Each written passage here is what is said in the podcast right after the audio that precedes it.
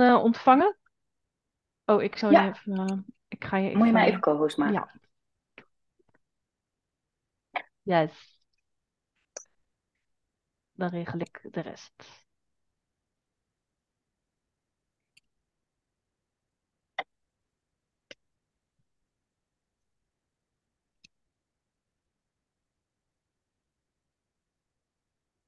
Mm. Goedemiddag allemaal. Oh, ik hoor wat geluiden op de achtergrond. Zet jezelf heel eventjes op eh, mute als je binnenkomt. Goedemiddag. Goedemiddag.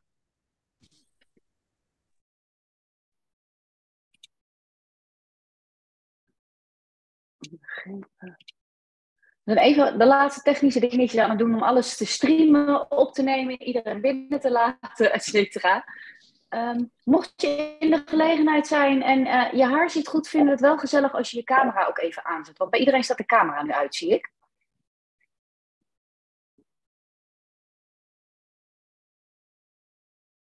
Als je zegt, heb ik helemaal geen zin in, dan ben je natuurlijk ook vrij om eh, je camera uit te laten. Maar het praat voor ons altijd iets fijner als we er gezichten bij zien.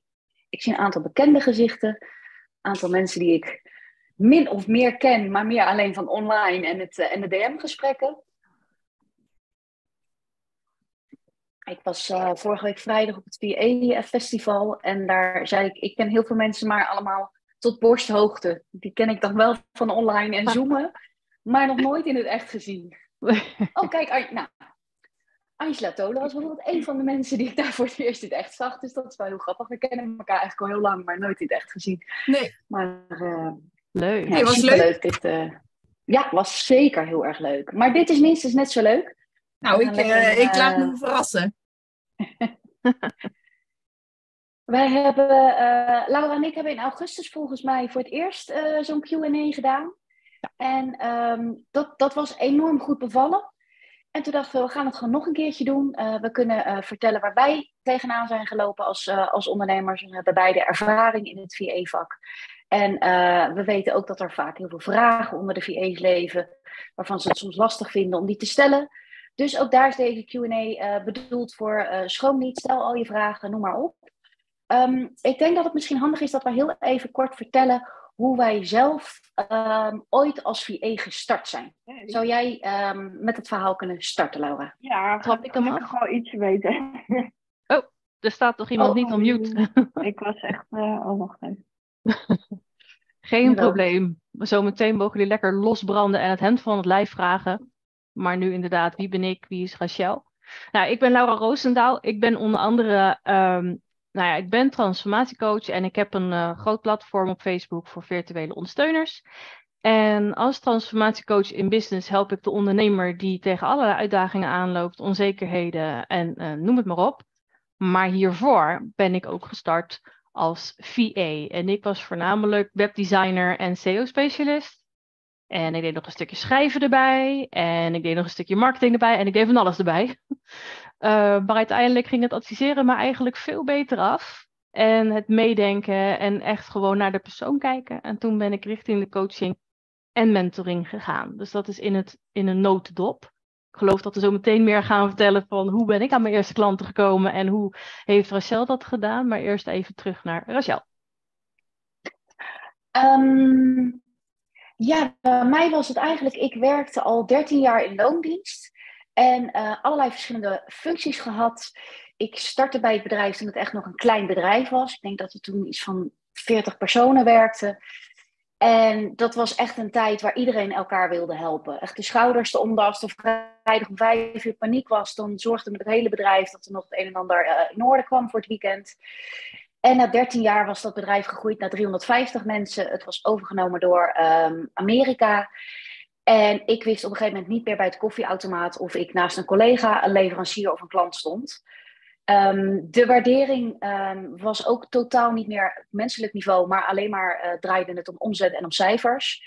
En ehm, ik, ik zat een beetje in een gouden kooi voor mijn gevoel, want ik verdiende ontzettend goed. eh, had leuke collega's, maar ik was op het werk inmiddels wel uitgekeken. Ik ben een aantal sollicitaties gaan doen en merkte daar voor het eerst dat ik dacht, ik zit nu in een gesprek en ik weet welk antwoord ze willen horen. Ehm, En ik liep naar buiten en dat ik mezelf afvroeg, wil ik eigenlijk nog wel in loondienst? Is dit wel waar ik blij van word? En dat vond ik zo'n gekke gewaarwording. Toen ben ik met een coach uh, in contact geraakt om te gaan uitzoeken, nou, waar word ik dan blij van? Ja, en dat bleek eigenlijk, ik denk wat we hier allemaal herkennen, het regelen van allerlei dingen. Ik was altijd goed in het organiseren van, uh, van alles wat er, weet je, van een vakantie tot een bruiloft, tot een feestje, tot, uh, nou ja, noem het allemaal maar op, schoolreisjes, weet ik het wat. Um, en toen ben ik inderdaad gaan onderzoeken, wat, wat, wat houdt die term VA nou in en, en wat is het? En, uh, en ben ik op zoek gegaan naar mijn eerste klanten. Nog, nog helemaal niet met het idee dat ik eigenlijk een, een, een fulltime onderneming zou willen hebben. Um, maar meer omdat ik het niet naar mijn zin had in loondienst en ik graag um, ja, voldoening uit iets anders wilde halen. Nou ja, dat dat uiteindelijk ervoor zorgde dat ik helemaal ging stoppen met loondienst, wist ik op dat moment nog niet. Maar is wel de beste keuze ooit geweest. Ja, dat is denk ik voor heel veel best wel herkenbaar, denk ik. Want zo begon het voor mij ook hoor. Ik was um, twintig jaar zeker wel in loondienst bekend. Uh, op verschillende stoelen in de ondersteuning van directie tot programma, tot uh, bestuurs, tot de burgemeester. En hartstikke leuk allemaal. Maar wat ik leuker vond, was niet alles van het lijstje afwerken, maar alles wat daaromheen gebeurde. Gewoon oog daarvoor, voor alle andere taken. Vond ik veel leuker. En toch maar een stukje communicatie meedoen, op de website dingen doen. Maar daar kreeg je niet voor betaald. En um, uiteindelijk helemaal prima. En je geeft het aan bij je werkgever. En soms komen ze je tegemoet. En soms ook niet. Meestal niet is mijn ervaring tegenwoordig wat hoor. Nou ja, dan kan je met de pakken neer gaan zitten. Of je kan gaan kijken wat is er nog meer. En ook bij mij zijn in de jaren door continu mensen geweest die tegen me zeiden: joh, is VA niet wat voor jou? Virtual Assistant, is dat niet wat voor jou? En ik had echt zoiets van: nee joh. En uh, op een gegeven moment toen de zoveelste keer dat het voorbij kwam, ben ik me ook inderdaad in gaan verdiepen. Ik denk virtual assistant, hey, dan kan ik zelf bepalen wat ik doe, waar ik betaald voor wil krijgen, met wie ik werk. Ik kan tussen mijn bedrijven door, zeg maar, werken. Dat was toch wel eigenlijk wel heel interessant. En uh, helemaal mijn, mijn, mijn ding eigenlijk ook gewoon. Uh, ook om het te combineren tussen gewoon voor je werkgever werken en doen wat van je gevraagd wordt. En voor jezelf werken, doen wat ik wil doen. Dat was echt uh, voor mij voldoening. Ja, er wordt hier onwijs geklopt, maar mijn man is op het dak bezig, dus ik weet niet hoor of niet hoor. Ja, ik, ik hoor steeds dus om iemand op de deur klopte. Het, uh, ja, sorry, dat uh, noodgevalletje bij mijn buren, dus het is even aan het opknappen. Um, en, en hoe heb jij de stap gemaakt van je baan in loondienst naar VA? Ben jij het ernaast gaan doen? Ben jij eerst klanten gaan zoeken? Uh, hoe, hoe is dat bij jou gegaan? Want iedereen heeft natuurlijk een, een eigen uh, ondernemersreis uh, doorlopen. Maar ik krijg die vraag heel vaak van, ja, hoe heb jij dat nou gedaan? Ja, nou bij mij, ik ben het inderdaad tijdens mijn loondienst gaan doen. Sterker nog, ik begon eigenlijk heel onschuldig met het hele idee. Um, in 2018 uh, uh, was ik uh, hoogzwanger van mijn jongste, van vijf. En um, ik had zwaar bekkeninstabiliteit. Sowieso ben ik lichamelijk nogal een wrak. Maar hè, er werd me gezegd, stop maar met werken. Ga maar genieten van je verlof. En weet je wel, doe je ding. Maar Laura en rust nemen gaat nooit zo goed samen. Dus ik had zoiets van, prima, ik ga wel minder werken. Ik blijf wel werken tot zes weken van tevoren. Ik ga minder daar werken. Ik werkte toen ook bij een gemeente. En ik ga wat voor mezelf doen. En ik zag het licht nog niet hoor. Ik had toen al honderd keer geroepen gekregen, joh, VA, dat is echt wat voor jou. Maar ik zag het licht niet. Dus ik begon zelf met het maken van een webshop.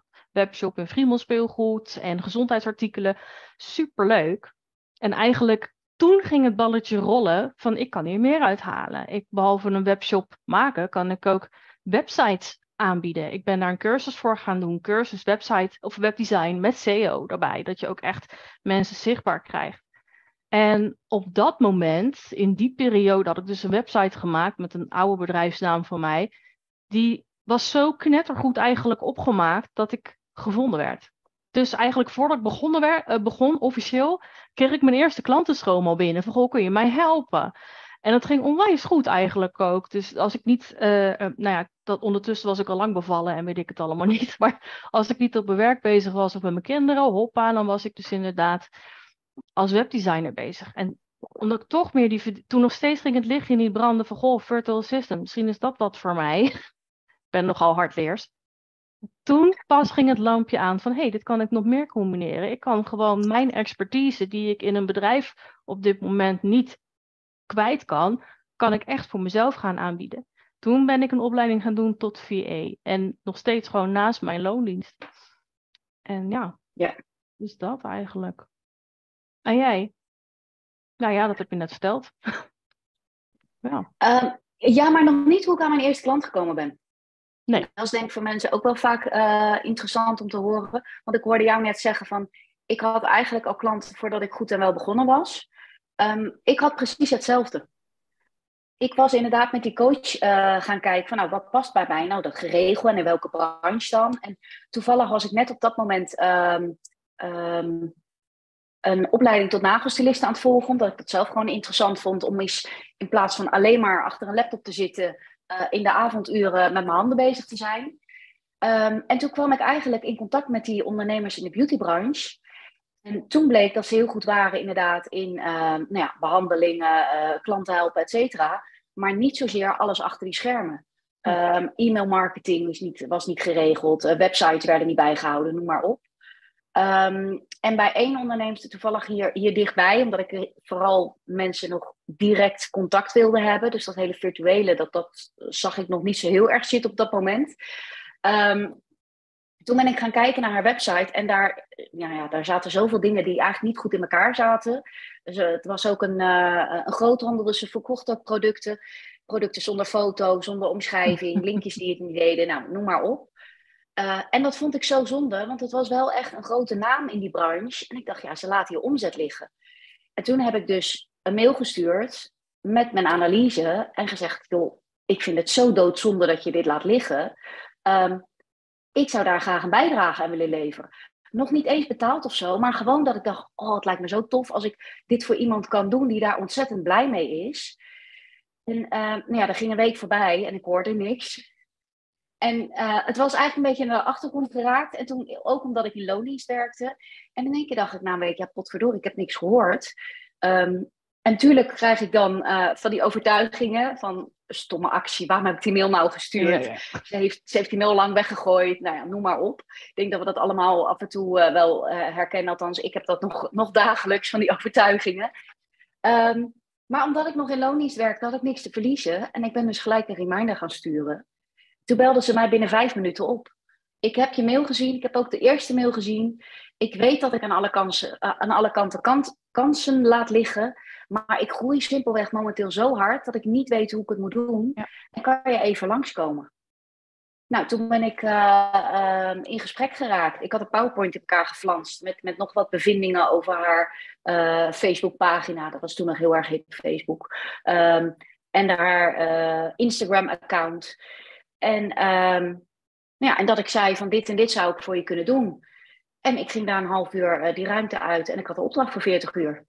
En ik had geen KVK-nummer, geen website, geen social media, ik had niks. Toen dacht ik, oh help, hoe ga ik dit nu doen? Nou ja, daar kom je uiteindelijk via via ook achter dat je gewoon als uh, uh, particulier ook gewoon um, facturen mag sturen. Alleen heet het dan geen factuur, je mag geen btw rekenen, et cetera. En eigenlijk via haar ben ik aan een aantal andere klanten gekomen. En na drie maanden ben ik uiteindelijk eens naar de KVK gegaan. Dat ik dacht, oeh, nu wordt het misschien toch wel iets serieuzer dan alleen leuk één klant ernaast, naast mijn baan in loondienst. En, uh, en pas anderhalf jaar later ben ik uit loondienst gegaan. Ik, ben, ik werkte vier dagen. Dat heb ik afgebouwd naar drie dagen. En uh, in 2020 ben ik uh, fulltime gaan ondernemen. Dus dat heb ik wel echt afgebouwd. Ik heb niet zomaar de stekker eruit getrokken. Ja. Um, ik wilde dat ook omdat ik een stukje zekerheid wilde. Dat ik echt dat het levensvatbaar was. Dat ik het vertrouwen had. Dat ik nieuwe klanten kon vinden. En dat ik zelf het gevoel had van nou, nu, durf ik er vol voor te gaan. Ja, ja, precies. Maar dat en overigens, um, deze tip kan je niet altijd meer gebruiken, want AVG-technisch mag je nu niet zomaar mensen een mail gaan sturen. Dat mocht in die tijd nog wel. Wel, het mag wel inderdaad bij open bedrijven, van bedrijf naar bedrijf, mag dat inderdaad wel. Ja, um, maar dat is inderdaad gewoon een van de manieren hoe het bij mij dus ook begon. Er, er kwam een opdrachtgever bij mij uh, uh, op mijn website en vroeg, kan je me helpen? Uh, ik had me toen gefocust nog heel eventjes gewoon echt op de webdesign. Van hè, dat, dat doe ik. Maar die kwam naar me toe en die zegt, joh, ben jij ook een beetje, uh, nou ja, sowieso van de CEO, maar ook de CA. Dus de adv adverteren, betaald adverteren. Had ik nog nooit gedaan, maar ik dacht dat ik het wel kan. Weet je wel, het is het, uh, het loesje motto geloof ik. Of een Pippi Langkous, ik weet niet meer. Pippi Langkous volgens mij. Pippi Langkous, ja. ja. Van ervaring zal je leren. Dus ik denk, nou ja, en dat heb ik ook zo gezegd. Ik heb het nooit gedaan, maar ik denk dat ik het wel kan. Vertrouw je mij? Wat ik wel altijd deed, ik heb echt geloof ik 200 uh, apps op mijn telefoon waar ik allemaal creatieve dingen mee kan doen. Dus ik was er heus wel een beetje bekend mee. Alleen echt het adverteren, niet. Maar ik deed het en na de eerste twee weken was er al echt een aanzienlijk succes. Echt gewoon een groei. Dus het werd me ook aangegeven dat ze echt continu tevreden waren. En ze hadden al best wel op Instagram echt ontzettend veel volgers. Nou, dat heb ik verdrievoudigd. Van 10.000 naar 30.000. En op een gegeven moment, ja, dan komt die vraag. En dit was tijdens de opleiding van VA. Maar um, ik had in de eerste vier maanden dat ik mezelf had omgedoopt officieel naar virtual assistant. Binnen die vier maanden, toen ik dus ook die opleiding deed, zeven klanten. Want vanuit mezelf, vanuit mijn intuïtie, vroeg ik diegene die dus mijn eerste opdrachtgever was: van goh, jij bent tevreden, maar ken je mensen in je netwerk die mij net zo nodig hebben? Vertrouw je mij toe aan anderen? Zo kwamen er nog twee opdrachten uit. Op een gegeven moment zat ik bij de autodealer met mijn man. Uh, hij uh, ging zijn auto inwisselen voor een ander. En die man die ons hielp, die zat op een gegeven moment achter zijn bureau uh, naar zijn scherm te kijken. Hij moest iets opzoeken op die site van hun. En hij was al mopperen aan het klagen. En ach, dat werkt niet, het is zo onhandig. Ik denk, hé, hey, heb je wel eens gedacht aan een goede webdesigner? echt gewoon be en zo onzeker als dat ik toen was. Want hé, hey, ik ken toch nog niet alles. Ik heb nog niet alle kennis. Ik ben nog niet klaar met mijn opleiding. Ah, al die, ook die overtuigingen van, goh, kan ik dit wel zeggen? Het enige wat in me opging was, nee heb je. Ja kun je krijgen. Hoppa. En daar is inderdaad ook een voorstel voor gedaan. En zo, dat balletje, dat, dat, rolde gewoon gelijk. Wat ik wel deed, ik werkte toen ook in loondienst. Ik ben minder gaan werken ging van 32 naar 22 uur in uh, april 2020. Maar ja, april 2020, hoera, corona kwam eraan. Ik had net zo goed die 10 uur extra nog kunnen, kunnen verdienen, maar wist ik veel. Ik had dus hetzelfde, januari en maart uh, dacht ik ook, oh help, wat heb ik gedaan? maar goed, ja, het leven is geen glazen bol. Nee, en als het, als het doorging, zou ik in september datzelfde jaar mijn werkgever ontslaan en volledig voor mezelf bij mij liep het anders, want ik ben al chronisch ziek en ik werd op dat moment nog zieker. Dus op dat moment werd het duidelijk dat ik mijn werkgever heel erg nodig had voor dat stukje zekerheid. En uh, zonder schaamte heb ik nog steeds. Maar, uh, uh, dus ik heb die. Even iets wegdrukken hoor. Dus ik heb mijn baan in loondienst ook nog steeds voor slechts een paar uurtjes per week. Op mijn tempo, in mijn uren en vanuit mijn ruimte. Ik ben um, minder mobiel, zeg maar. Dus ik uh, kan me moeilijk voortbewegen. En uh, dat moet maar net kunnen met je werkgever. Maar daarom, want het is heel aantrekkelijk en heel leuk als je helemaal voor jezelf kan beginnen. En het echt ook gewoon, hè, uh, um, als je die stabiliteit voelt van neem de stap, net als Rachel. Maar het is, no, het is echt geen schaamte als je dan toch nog een, een, een werkgever in loondienst erbij hebt voor slechts een paar uur. Voor die zekerheid, voor die verzekeringen, voor en dan vooral voor die ondernemers die inderdaad daar die onzekerheid in ervaren. Maar zorg wel dat je die balans daarin hebt. Want dat was voor mij een dingetje op een gegeven moment, balans. Heb jij dat herkend? Hoe je balans houdt welke balans bedoel je? Voordat je uit je, um, werk, je loondienstbaan ging, toen die balans erin houden, naast ook je gezin, naast alles daaromheen. Ja, dat klopt. Dat klopt. Alleen ik had inderdaad ook een uh, werkgever die vrij flexibel was. Dus ik begon, ik ben, ik ben echt een ochtendmens, dus ik begon al om half acht. Waardoor ik om twee uur kon stoppen. Ja. Uh, en in die tijd waren mijn kinderen inmiddels al een stuk groter. Ze zaten nog wel net op de basisschool. Um, maar wel, weet je, uh, groep 6 en groep 8. Dus dat is al een stukje ouder, waardoor het makkelijker is. Weet je, ik moest ja. je nog wel even, tenminste, die, in groep 6 moet ik even uit school halen. Maar als ze thuis waren, dan vermaakten ze zich altijd wel prima. Dus die uren kon ik vaak wel aan mijn eigen bedrijf besteden. Uh, en omdat ik het heb afgebouwd, um, kon ik die uren ook in de dag dat ik niet meer werkte uh, aan mijn eigen bedrijf werken. Um, maar dat is inderdaad wel een half jaar geweest dat het best druk was, omdat toch ook de avonduren en de weekenden dan ja. gewerkt moet worden voordat je die hele stap neemt. Um, en ik zie bij mijn klanten heel vaak gebeuren dat dat inderdaad is als je uh, van drie dagen naar niks of van drie dagen naar twee dagen en dan naar niks gaat. Daar zit vaak net even die grens, zeg maar. Ja, en Ja. je zult soms even een keuze moeten maken. En wat voor mij heel fijn werkte, was dat ik een buffer had opgebouwd. Dat ik wist van, nou weet je, ook al heb ik nu vier maanden nog geen klanten, dan hoef ik me financieel nog geen zorgen te maken, Precies. omdat ik weet dat ik nog een bepaalde buffer heb. En dat zorgde bij mij in ieder geval voor rust, waardoor ik wel ehm, die ehm, stap durfde te nemen. Ja, ja. Nee, inderdaad. Nee. Dit is trouwens wel een mooi bruggetje naar die werktijden. Die hadden we ook op het lijstje genoemd. Van, we, had- we hadden, eh, Rachel en ik hadden samen wel een paar topics bedacht. Van nou, stel je voor dat het stilvalt en niemand ons vragen stelt. Dan, nou ja, onze reis richting het ondernemerschap. Onze reis naar de eerste klanten. eh, dat hebben we nu kort en bondig eh, verteld. Als daar vragen over zijn, stel ze zeker. Ehm, want we mogen de verdieping ingaan hier. En we hadden werktijden bedacht, tarieven bedacht en de laatste drie maanden van het jaar.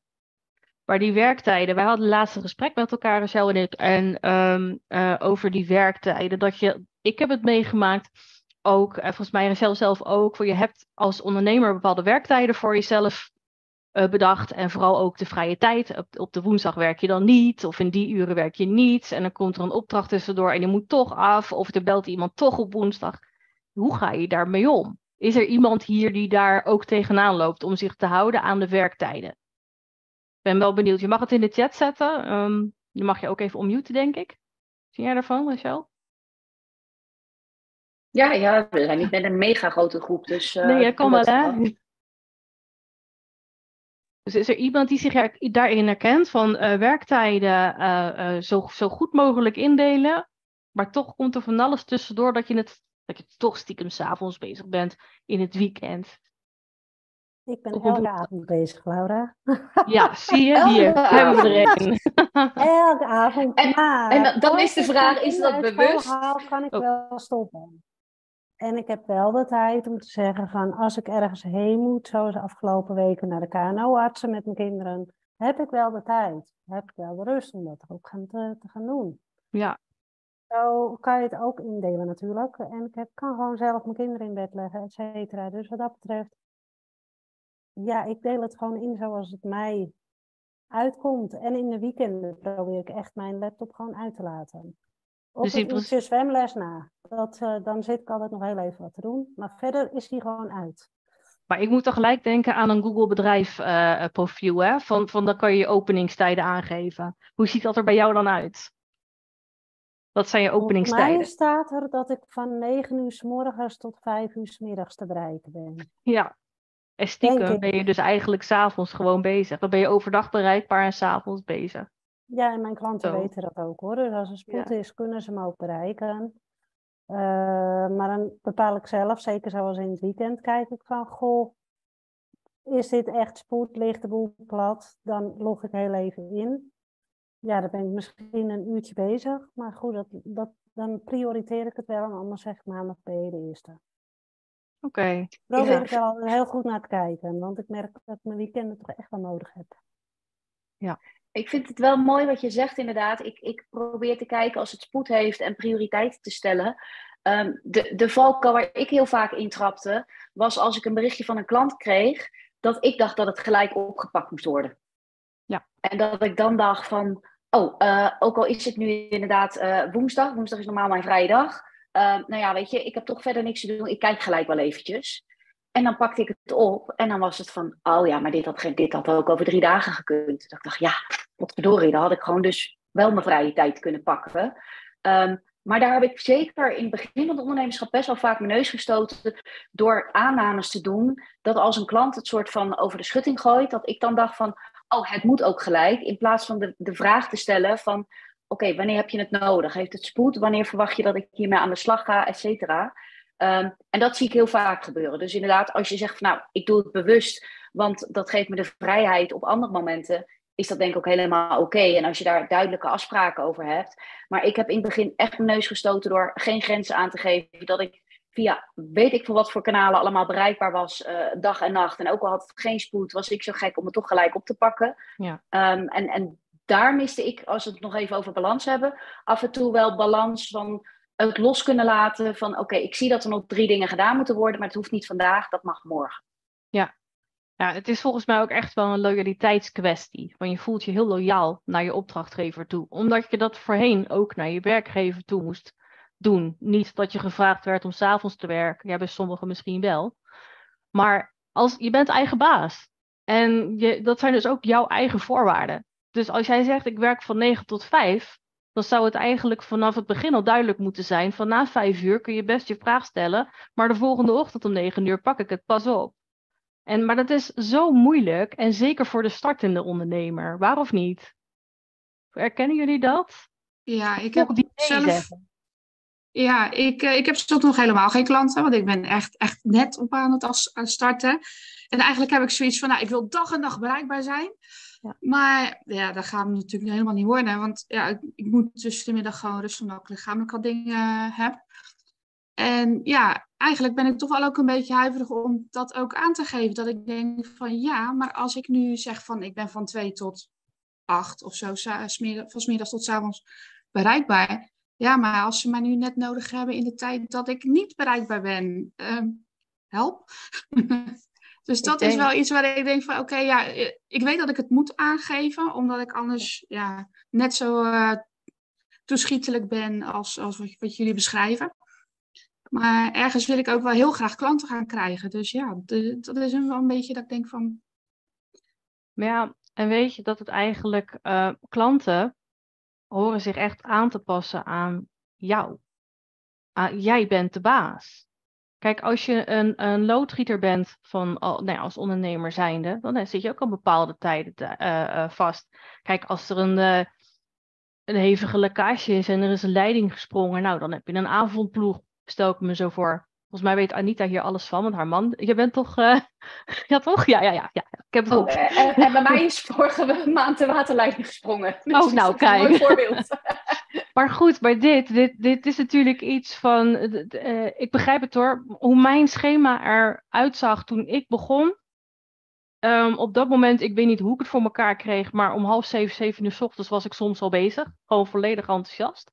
En ik was soms echt om, nou ja, als ik niet uitkeek, om één uur s'nachts nog bezig. Ik was continu bezig. Ja, ik had zeven klanten die ik moest onderhouden en blij maken. Maar ja, bij mij liep het wel lekker op zo. En eigenlijk, wat, wat Rachel net ook zegt, van iedere vraag die mij gesteld werd, er zat helemaal geen haastige spoed bij. Er ging niemand dood. Er ging niks kapot, ging niks crashen. Er, er, er gingen geen miljoenen eh, eruit. Dus uh, Marinka, je wil wat vertellen? Ja. Ja, nou, ik, ik, ik zit erover te denken dat het op zich, het, het wordt nu het, bijna een beetje gebracht alsof het zeg maar negatief is. En, maar ik heb, nou ik heb één uh, kleine opdracht uh, nu, dus, maar ik vind het wel, ja, ik ben ook heel erg enthousiast over de dingen die ik nu aan het doen ben. Dus het voelt bijna niet als werk. Het is zeker geen stress. Kijk, het is iets anders natuurlijk als je zeg maar het gevoel hebt dat je heel erg je, uh, nou ja, het, alsof je dingen moet doen op een moment dat je het niet wil, dat je het niet durft. Maar ja, ik vind dan wel dat er, ik, ik, nou ja, ik word inderdaad ook wel eens dat ik s s'avonds achter de computer zit en ik denk van oké, nu is het echt klaar, weet je wel. Ik mag nou even niet meer, weet je wel. Nu is het goed om eventjes maar dat is dan meer voor mijn ogen dan dat ik stress daarvan krijg. Maar dat, je zegt daar wel iets heel moois. Um, dit werk wat we doen, of wat je doet als VA, wat wat je ook doet, moet eigenlijk niet als werken voelen. Dat is iets wat je doet, tenminste de, de meeste. Hè? Mijn ervaring, ook degene die ik tegenover me heb, die doen het als iets extra's uh, om, om iets te doen wat ze, waar ze echt die energie van krijgen. Ik deed het ook. Mijn energie vloog weg bij mijn loondienstbaan, maar mijn energie kreeg ik weer terug van wat ik voor die mensen deed. En dan voelt werken niet als werken. En dan is de verleiding ook groot dat je gewoon s'avonds lekker bezig bent. Want het is gewoon geweldig wat je doet. Maar het is ook niet erg. En het is zeker niet. Uh, uh, nee, het is, het is gewoon niet erg. Maar mijn, mijn boodschap voor iedereen Um, wees wel heel streng voor jezelf op een gegeven moment voordat je echt er overheen blijft gaan. Want het, het, bij mij werkte het soort van verslaafd het ook gewoon. Weet je wel, ik bleef maar tevreden stellen. Maar het gaat erom dat je ook jezelf tevreden houdt. Dus die grens is wel. Ja, en ik denk, ik denk dat er ook een groot verschil is tussen um, enthousiast zijn over het werk wat je doet en kennis willen vergaren. Um, of klanten die over je grenzen gaan die jij zelf hebt afgesproken. Precies. Ja. Exact. Want wie, wie heeft er moeite met nee zeggen? Gewoon een algemene vraag. Nee tegen een opdrachtgever. opdracht. Wie heeft er moeite? Een beetje wankel, ik zie een paar vingertjes heel voorzichtig. nou, Rachel, jij stak ook gelijk je hand op. Vertel. Ja, ik ben ehm, privé helemaal niet. Dat is wel weer grappig. Ik heb, vooral toen ik in loondienst werkte, was ik altijd eh, een people pleaser. Ja. En waar ik thuis heel erg eigenwijs en, en mijn kont tegen de trip kan gooien en echt mijn zin wil hebben, was ik op mijn werk vooral echt iemand die iedereen tevreden wilde houden en, en, en zorgen dat, dat iedereen uh, ja, blij was. En, en ik al het werk wel op me nam, want ik regelde het dan wel, ik loste het wel weer op. Um, mm. en, en dat is nu ik voor mezelf ben begonnen wel iets veranderd. Um, maar nog steeds vind ik het soms lastig om nee te zeggen tegen potentiële klanten. Uh, terwijl ik diep in mijn hart soms voel, volgens mij moet ik jou niet als klant nemen, want we gaan samen niet verder komen. Ja. Ik ben me daar wel steeds meer van bewust en ik probeer daar ook steeds meer naar te luisteren. Um, omdat ik vaak weet dat ergens niet het meeste succes uit mij en uit mijn klant gehaald wordt. Um, maar ja, dat is denk ik ook een stukje onzekerheid en de erkenning die je wilt krijgen en een stukje uh, financiën, noem maar op. Ja, nou ja, dat gaf Nathalie net al heel mooi aan, hè, van je wil klanten krijgen. Dus, dus hè, dan, dan lijkt het net alsof je overal voor open moet staan. Maar dat moet niet. Weet je wat juist het meest aantrekkelijk is? Zou je een geheim verklappen? Als je zo sterk en stevig mogelijk overkomt. En de boodschap duidelijk is: dit doe ik, hier hou ik van, dit zijn mijn tijden en daarmee kun je mij benaderen zeker zijn over jouw aanbod, jouzelf en jouw bedrijf.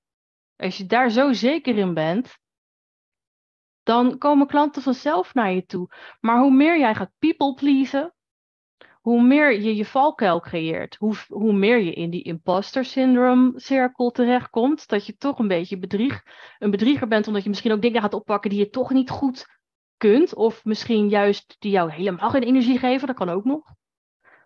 Dus wees gewoon zeker van je zaak. Dit kan ik, dit doe ik, dit bied ik je aan en daar mag je het mee doen. En vergeet die onzekerheid van ja, maar dan komt er straks niemand. Nee zeg, want je hebt helemaal geen ruimte voor je in je hele, hele energiebol om alles maar aan te gaan bieden. En ik was er eentje, ja, ik bood alles aan, kom maar op. Ik moet wel iets aanbieden, want anders komt er niemand. En ik kreeg klant na klant na klant. En ik had tussendoor wel eventjes een doelgroep ge geformuleerd. Nou, ik had niemand die in mijn doelgroep paste. Nou, dat sneed er op een gegeven moment in hoor. Van echt dat je met een, uh, nou oké, ik ben redelijk spiritueel, maar ook dat je met bepaalde energieën, of laat ik het zeggen, figuren samen gaat werken die helemaal, die niet aan jouw behoeften doen, zeg maar. Ja, die je leegtrekken. Of die nooit tevreden kunnen zijn. Of weet je, ik ben best wel van, van geef het maar aan. Als je niet tevreden bent, pas ik het gelijk wel aan. Of we kijken er wel naar. Of hè, ik geef dan, op dat moment gaf ik ook heel veel ongevraagde adviezen. Weet je wel, prima. Maar dat, ja, dat, dat, dat, dat helpt je niet. Je, moet het echt leuk houden voor jezelf. En dat begint echt door die baas te zijn over jezelf. Dat mag. Dus wees niet bang dat als je uh, jezelf gaat voordoen als degene die je echt wil zijn, want hè, die ben je, dat je daarmee helemaal niemand meer aantrekt. Het is juist mooi om jezelf te laten zien. Eens of niet? Word je er stil van? nou, maar het is ook wel waar, denk ik, wat je zegt. Het is zeker waar, denk ik. Maar het is ook belangrijk in wat je zegt, dat je voor jezelf kiest. En uh, ik heb eerder dit jaar met een klant aangegeven dat ik uh, het niet helemaal voelde, onze samenwerking. En uh, dat hij daarover na moest denken. En ook niet dat we meteen gingen stoppen, maar dat het gewoon dat het wel iets was ook voor hem om te kijken naar zijn bedrijf en hoe of dat hij dat. Uh, uh, hij was best wel gegroeid het afgelopen jaar in aantal medewerkers. En het was aan alle kanten te merken dat het heel lastig was om op afstand voor hem te werken. Omdat hij of dingen heel lang uh, liet liggen, of hij deed het niet, of hij liet het iemand anders doen. Of, en nu is het per september gestopt. En ik moet eerlijk zeggen, het heeft me super veel rust gegeven. Want ik denk van ja, weet je, het was toch niet dan mijn klant. En um, ik, ik nou ja, ik zie wel wat er komt. Eh, ik sta ervoor open en er komt wel iemand op zijn plek. En ik denk dat dat het belangrijkste is, dat je er zo in staat en niet uit paniek gaat ehm, zoeken en maar elke klus aanneemt die je voorbij ziet komen. Of eh, waar ik ook mee gestopt ben, is in bijvoorbeeld zo'n uh, business babes of ambitieuze meisjes. Daar komen honderden van die opdrachten voorbij. Ja, daar reageren er ook honderd op. Ja, weet je, hoe ga je dan opvallen? Je kunt een DM sturen, maar ja, dan moet je wel zo'n mega goede DM hebben dat je opvalt. Want anders dan haal je er ook niks uit. Dus dat is allemaal van die, ja, verkeerde energie, denk ik dan. Vind ik een hele leuke. Volgens mij vind jij die ook leuk, of niet, Rachel? Ja, ik vind hem heel leuk. Ik, eh, ik heb hier altijd wat over te zeggen. Ik ook. En ik, ik gaf dinsdag weer een webinar. En dit is een van mijn voorbeelden altijd. Het is zo'n passieve vorm van marketing om alleen maar te reageren op van die oproepen. En het is absoluut niet de manier die ik mijn klanten ook leer en die ik zelf toegepast heb toen ik VA was om aan klanten te komen. Want ik, ik herken inderdaad die negatieve energie. Je steekt al je energie erin om inderdaad op één manier te willen opvallen. Een, een leuke video maken, een e-mail sturen, een DM sturen. En uh, in het beste geval hoor je na twee weken krijg je een, algemene afwijzing waar je niks mee kan. En in het slechtste geval, in de meeste gevallen, hoor je helemaal niks meer. Nou, niks is demotiverender en frustrerender dan dat je denkt, ja, ik zie weer een oproep, zal ik het maar weer gaan proberen? Ja, het kost alleen maar tijd en energie en het levert zo weinig op. En hier, heb ik, dit is echt een typisch verschilletje. Want ik vind het juist, nee, ja, het kan demotiverend werken. Het, het reageren op die 300, uh, tussen die 300 reacties die er al staan. Heel demotiverend. Ik hoor het heel veel en ik heb het zelf ook echt ervaren. Maar ik ben het toen in mijn VA-tijd blijven doen. En wat gebeurde mij? Uh, op een zo creatieve, creatief mogelijke manier echt mijn pitch doen. Hè? Want heel veel ik stuur je een pb. Ja, dat is echt iets voor mij. Joehoe. En ja, daar reageren ze niet op. Ze willen zien wie ben je. Gelijk, aan de voorkant. Wie ben je? Nou, ik ben Laura en ik maak je website helemaal op en top. En het beste is nog dat je dan de website hebt gekeken. Even mijn expertise dan toen. Dat je gelijk kan zeggen van dat is het probleem waar ik je mee kan helpen. En dan hoeven ze nog niet te reageren. Maar weet je wat? Tussen die uh, eh, 300 reacties zijn er nog eens 100 die eigenlijk zo'nzelfde oproep willen plaatsen. En die kijken mee. Dus als jij niet wordt uitgekozen in die ene bewuste oproep, heb je grote kans dat je nog via een ander wordt benaderd. Dit is mij gebeurd. Meerdere keren. Dus ik ben niet zo dat ik mijn coaches dus aanmoedig van reageer, reageer, reageer. Wat ik wel doe is een beetje motiveren van probeer het vol te houden, want je weet maar nooit wie er meeleest. Maar nou, als het je gaat frustreren, dan, dan moet je ermee stoppen. Dat wel, dat moet wel. Ja, ja precies. Nou, ik, dat ben ik met je eens. Want ik zeg ook wel, als je nu helemaal geen plan hebt, reageer dan wel. Want um, als je niet reageert, weet je zeker. Ja. Jullie staan bij mij even vast. Ik weet niet of het bij mij, uh, uh, aan mij ligt. Ik denk het wel dat je de opdracht niet hebt. Alleen omdat je even het verder onder te zetten, val je meestal niet op. En dan verval je inderdaad in die moedeloosheid en die frustratie. Ja, en dan moet je het niet doen, want dan is juist alle energie die je van je bedrijf krijgt, die lekt weg. En dat is hartstikke zonde. Maar ik vind het wel interessant jouw manier van kijken. Want zo, dat is heel anders dan hoe ik er inderdaad naar kijk. Dus dat vind ik wel heel tof. Ja, ja, dus ik ben het zeker niet oneens hoor. Ik bedoel, tuurlijk, ik, ik weet er alles van hoe frustrerend het is om dan te reageren en maar niet aan de beurt te komen.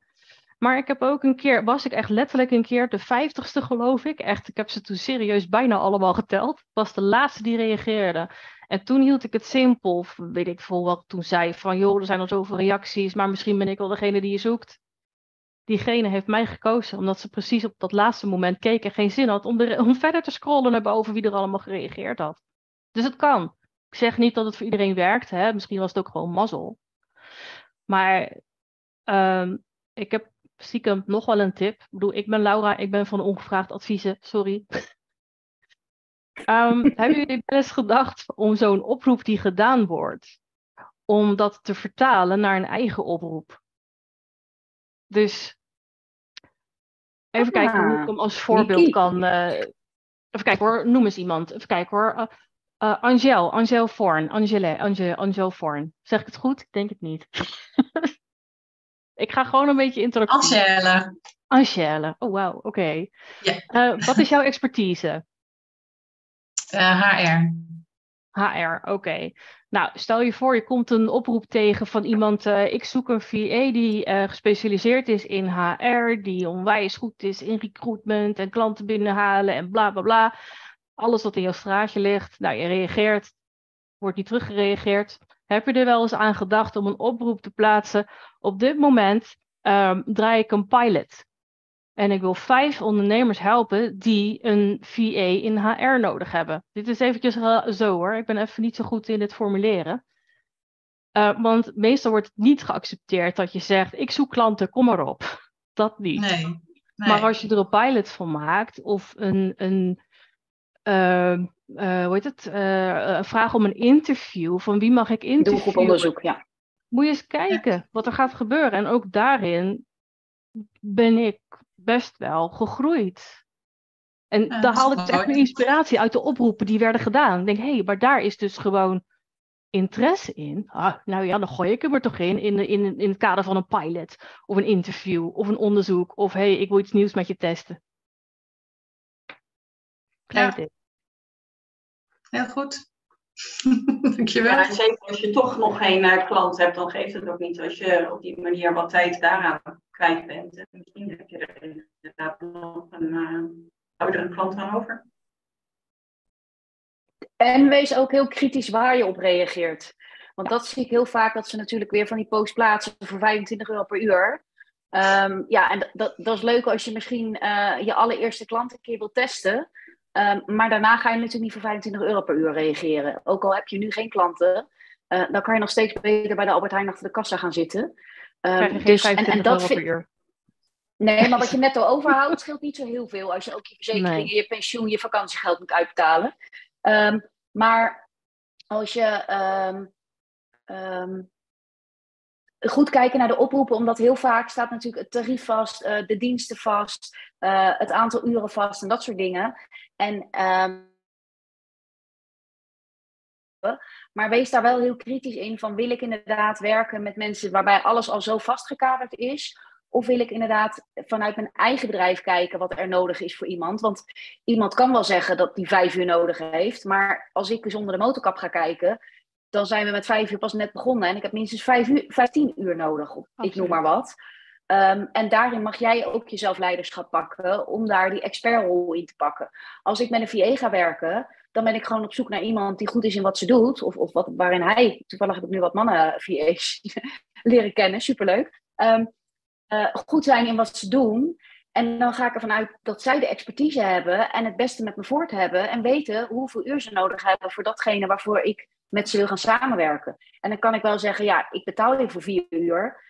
Maar als ze mijn nieuwsbrieven bij spreken moeten doen en ze hebben zes uur nodig. En na vier uur staat er maar een halve funnel. Ja, ben ik ook niet geholpen. Nee. Dus probeer daar zelf ook wel echt kritisch in te zijn van oké, okay, um, zoals de oproep omschreven staat. Uh, klopt dat? Ben ik het daarmee eens? Of heb ik eigenlijk nog iets toe te voegen of kritische vragen te stellen, waardoor de ander misschien ook getriggerd wordt, waardoor die denkt van, hé, hey, wacht even, ik had zelf gezegd, ik heb vier uur iemand nodig, maar door de vragen die jij stelt, laat je eigenlijk wel zien dat je kennis van zaken hebt. En uh, misschien die, slaat die vier uur wel helemaal nergens op. Ik ga met jou in gesprek om eens te horen wat je te vertellen hebt. Ja, maar dat is ook echt, hè, dat... dat heel veel van de oproepen uh, die, die worden gedaan, uh, wordt ge, um, neergezet door mensen die eigenlijk nog niet eens weten naar wie ze überhaupt op zoek zijn.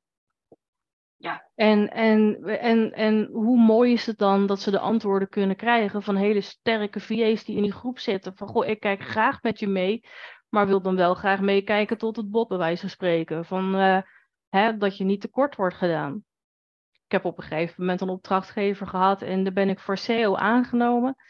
En toen begon die erover, ja, ik moet eigenlijk ook iemand hebben voor mijn website.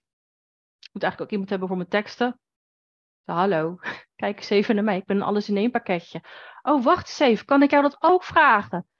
Ja, tuurlijk. Het is niet dat je, dat je weet ik veel, net alsof je daar naar de, de bouwmarkt gaat en verschillende schroeven moet hebben. Nee, je hebt gewoon alles in één pakket wil niet zeggen dat iedereen alles kan aanbieden natuurlijk, maar altijd goed uitvragen.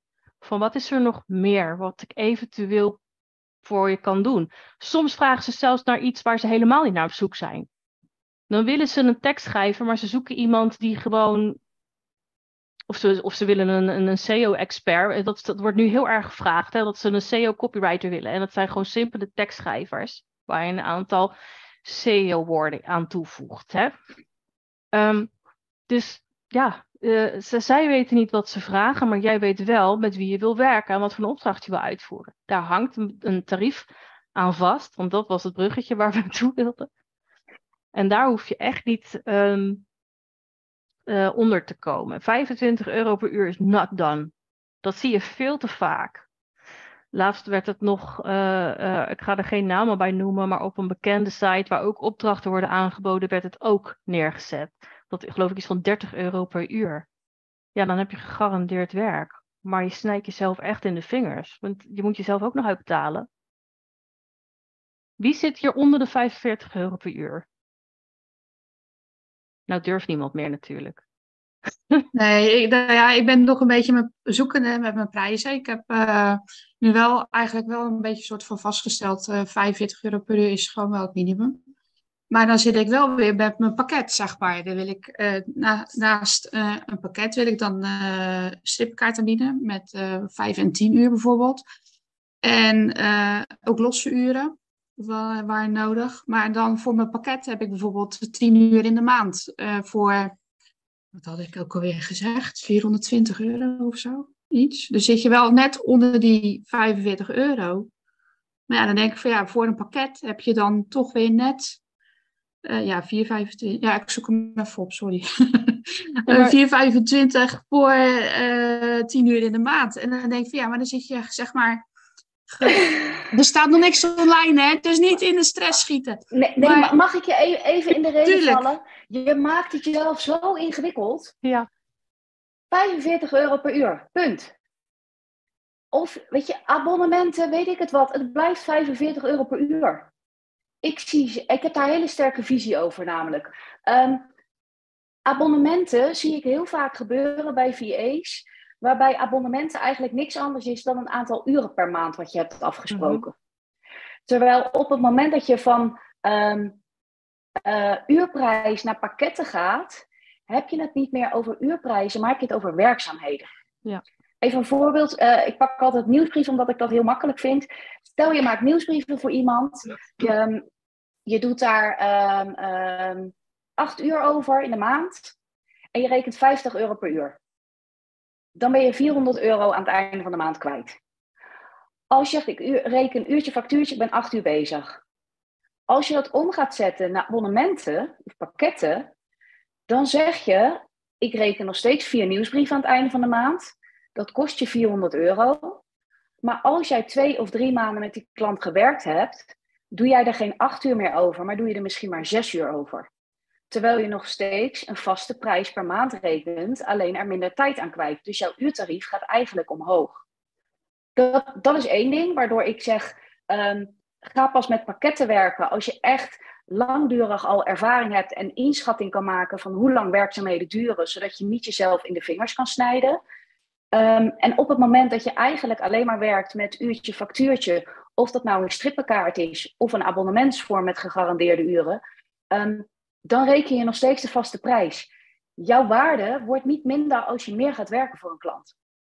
Sterker nog, als jij tien uur per maand um, voor een klant werkt en jij doet dat maand na maand na maand, raak jij ingespeeld op die klant. Heb je aan twee woorden genoeg? Werk je veel efficiënter? Je kent alle processen, alle systemen, et cetera. Waardoor als je normaal gesproken werk in tien uur verzet, um, doe je dat na drie maanden of na zes maanden doe jij in die tien uur veel meer dan dat je in die eerste maanden deed. Als je dan ook nog een laag tarief gaat hanteren omdat die tien uur afneemt, krijgt die klant en een goedkoper tarief en je verzet meer werk in dezelfde tijd. Ja, waarom zou je dat doen? Als jij iedere week naar de bakker gaat, je koopt iedere week hetzelfde brood, krijg jij ook niet na drie maanden in één keer korting. Nee, maar het zou leuk zijn, maar Nee, ja, eigenlijk zoals je het nu zegt, is dat eigenlijk wel heel, ehm, heel logisch. Maar dat, dat, dat, is mijn, mijn visie. Hè? Je moet vooral je eigen bedrijf runnen zoals jij het wil. Ehm, maar denk er in ieder geval over na. Ik zie het zo vaak gebeuren dat hoe meer uren klanten afnemen, hoe goedkoper onze uurprijs wordt. Ik denk, ja, je, je gaat helemaal niet minder waarde leveren. Sterker nog, je levert waarschijnlijk veel waardoor je veel meer toevoegt dan alleen maar dat je in de uitvoering zit. Maar de bakker is wel een. eh, Oh, wacht even hoor. Mijn internet is instabiel. Horen jullie me goed? Ja. Wel gewoon, oké, gelukkig. Ehm, de bakker is wel een mooi voorbeeld. Ik moet altijd denken aan eh zes ton poesen halen, vijf betalen. Ehm, ze hebben gewoon een vaste prijs, die ton poesen. Maar juist bij die actie, dan betaal je misschien iets minder, maar het gaat echt niet onder hun margeprijs. Jouw margeprijs is 45 per uur. Als jij pakketten wil gaan aanbieden, dan zet je je uurtarief eigenlijk wat hoger in. Dan ga je naar 55 euro per uur, wat mij betreft. Maar dan gaan mensen op een gegeven moment rekenen van hé, hey, ik kan 55 euro per uur bij haar gaan afrekenen, een uurtje factuurtje, of ik neem een pakket. Wat dan wel zo berekend is dat je niet onder die 45 euro per uur uitkomt. Dat is natuurlijk die marketingtruc. Van hé, je, je doet alsof het goedkoper is, maar eigenlijk betalen ze hetzelfde. Maar jij wordt niet tekort gedaan. Snap je die? Ja, dus jij zegt dat als iemand losse uren rekent, dat je uurtarief eigenlijk duurder is dan als je ehm, pakketprijzen rekent, waarbij je met pakket of abonnementen maakt, hoe geef het een naam, ehm, ehm, dat dat eigenlijk je normale tarief is. Bij mij was het op een gegeven moment, ik ben begonnen met 50 euro per uur. En toen had ik ook de regel, onder die 45 euro kom ik sowieso niet. Dus dat is echt mijn aller, aller, allerminst, zeg maar, mijn allermax, of hoe noem je dat? Dus eh, mijn, mijn uurtarief was 50 euro per uur. Maar met, volgens mij had ik eh 12 uur eh, krijg je en dan 10 uur betaal je. Maar dan kwam ik alsnog niet uit eh, onder die 45 euro per uur. Dus ik deed mezelf niet tekort. Daarna ben ik het omhoog gaan. Het- hoe meer expertise ik kreeg, hoe hoger ik ging in mijn aanbod. Toen ben ik naar 65 euro per uur gegaan. Maar ik ben nooit onder die 50 euro gekomen, omdat ik die pakketten verkocht. En pakketten wil gewoon zeggen dat ze meer uur krijgen en minder uur betalen. Maar mijn uurtarief gaat er niet onder lijden. Zo, zo, zo deed ik het. Dus wat Rachel zegt, 45 euro punt. Je gaat er gewoon niet onder. Maar dan moet je creatief denken van hoe kan je dan... Dan moet je dus communiceren dat je misschien een hoger tarief hebt. Doe, hey, En- kijk en- wat je waard bent, wat je kunt. Je hebt een expertise. Je kiest niet voor niks voor dit vak. Je moet jezelf niet te niet doen. Ehm, ik heb, ik heb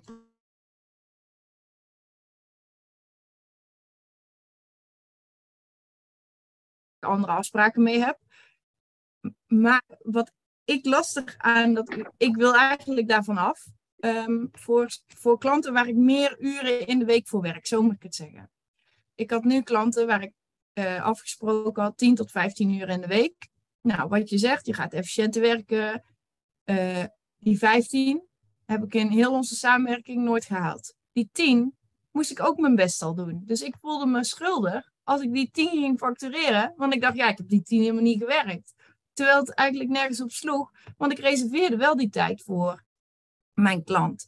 Dus eigenlijk is het daardoor dat ik het lastig vind om te zeggen van ja, weet je, ik ga alleen maar een uurtje factuurtje doen. Want ik, ik ben dan misschien een snelle werker of ik heb het te snel onder de knie en ik ben er goed mee aan het werk.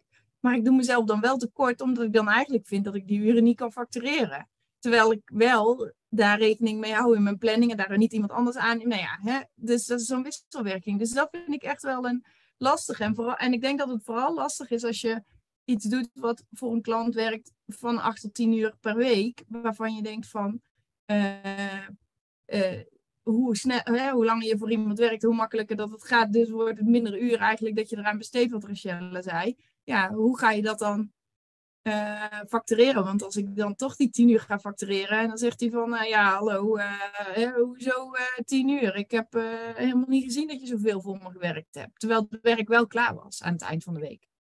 Ja, en, en dat is een, eh, een mindset ding die je mag gaan veranderen. Ja. En, en wat, waarin wij eigenlijk onze klanten ook mogen opvoeden. Ehm,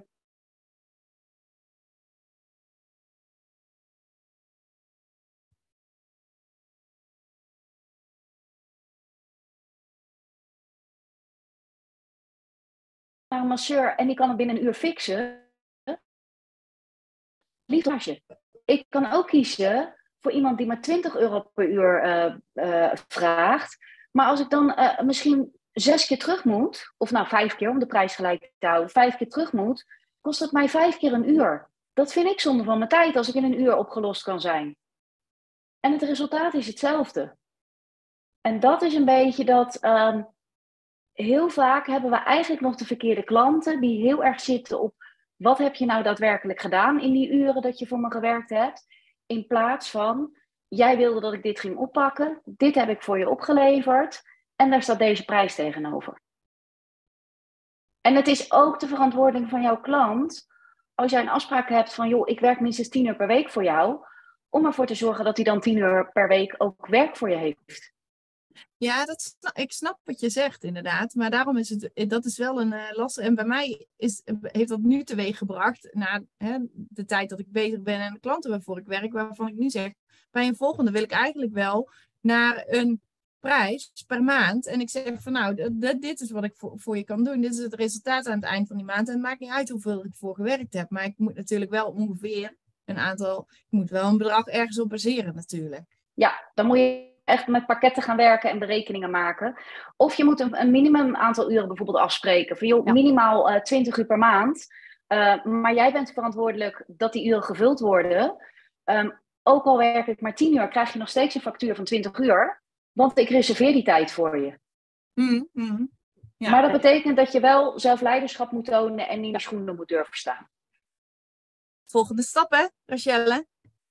Ja, je bent aan het groeien. Maar wat ik heb gedaan, want op een gegeven moment merkte ik inderdaad ook dat ik ehm, ehm, efficiënt ging werken, effectief ging werken, eh, minder tijd besteden ehm, aan het werk. Ik hield ook tijd over. Horen jullie me nog? Want mijn internet is echt vreselijk instabiel. Gaat goed? Ja. Ik ben op een gegeven moment vanaf prijzen ook inderdaad gaan doen. Maar je kan me inhuren vanaf twee uur per week. Je kan me inhuren vanaf 20, euro, eh, 20 uur per maand. En alles. ehm, ik krijg nu de melding dat ik offline ben, dus ik ben benieuwd wat er gebeurt.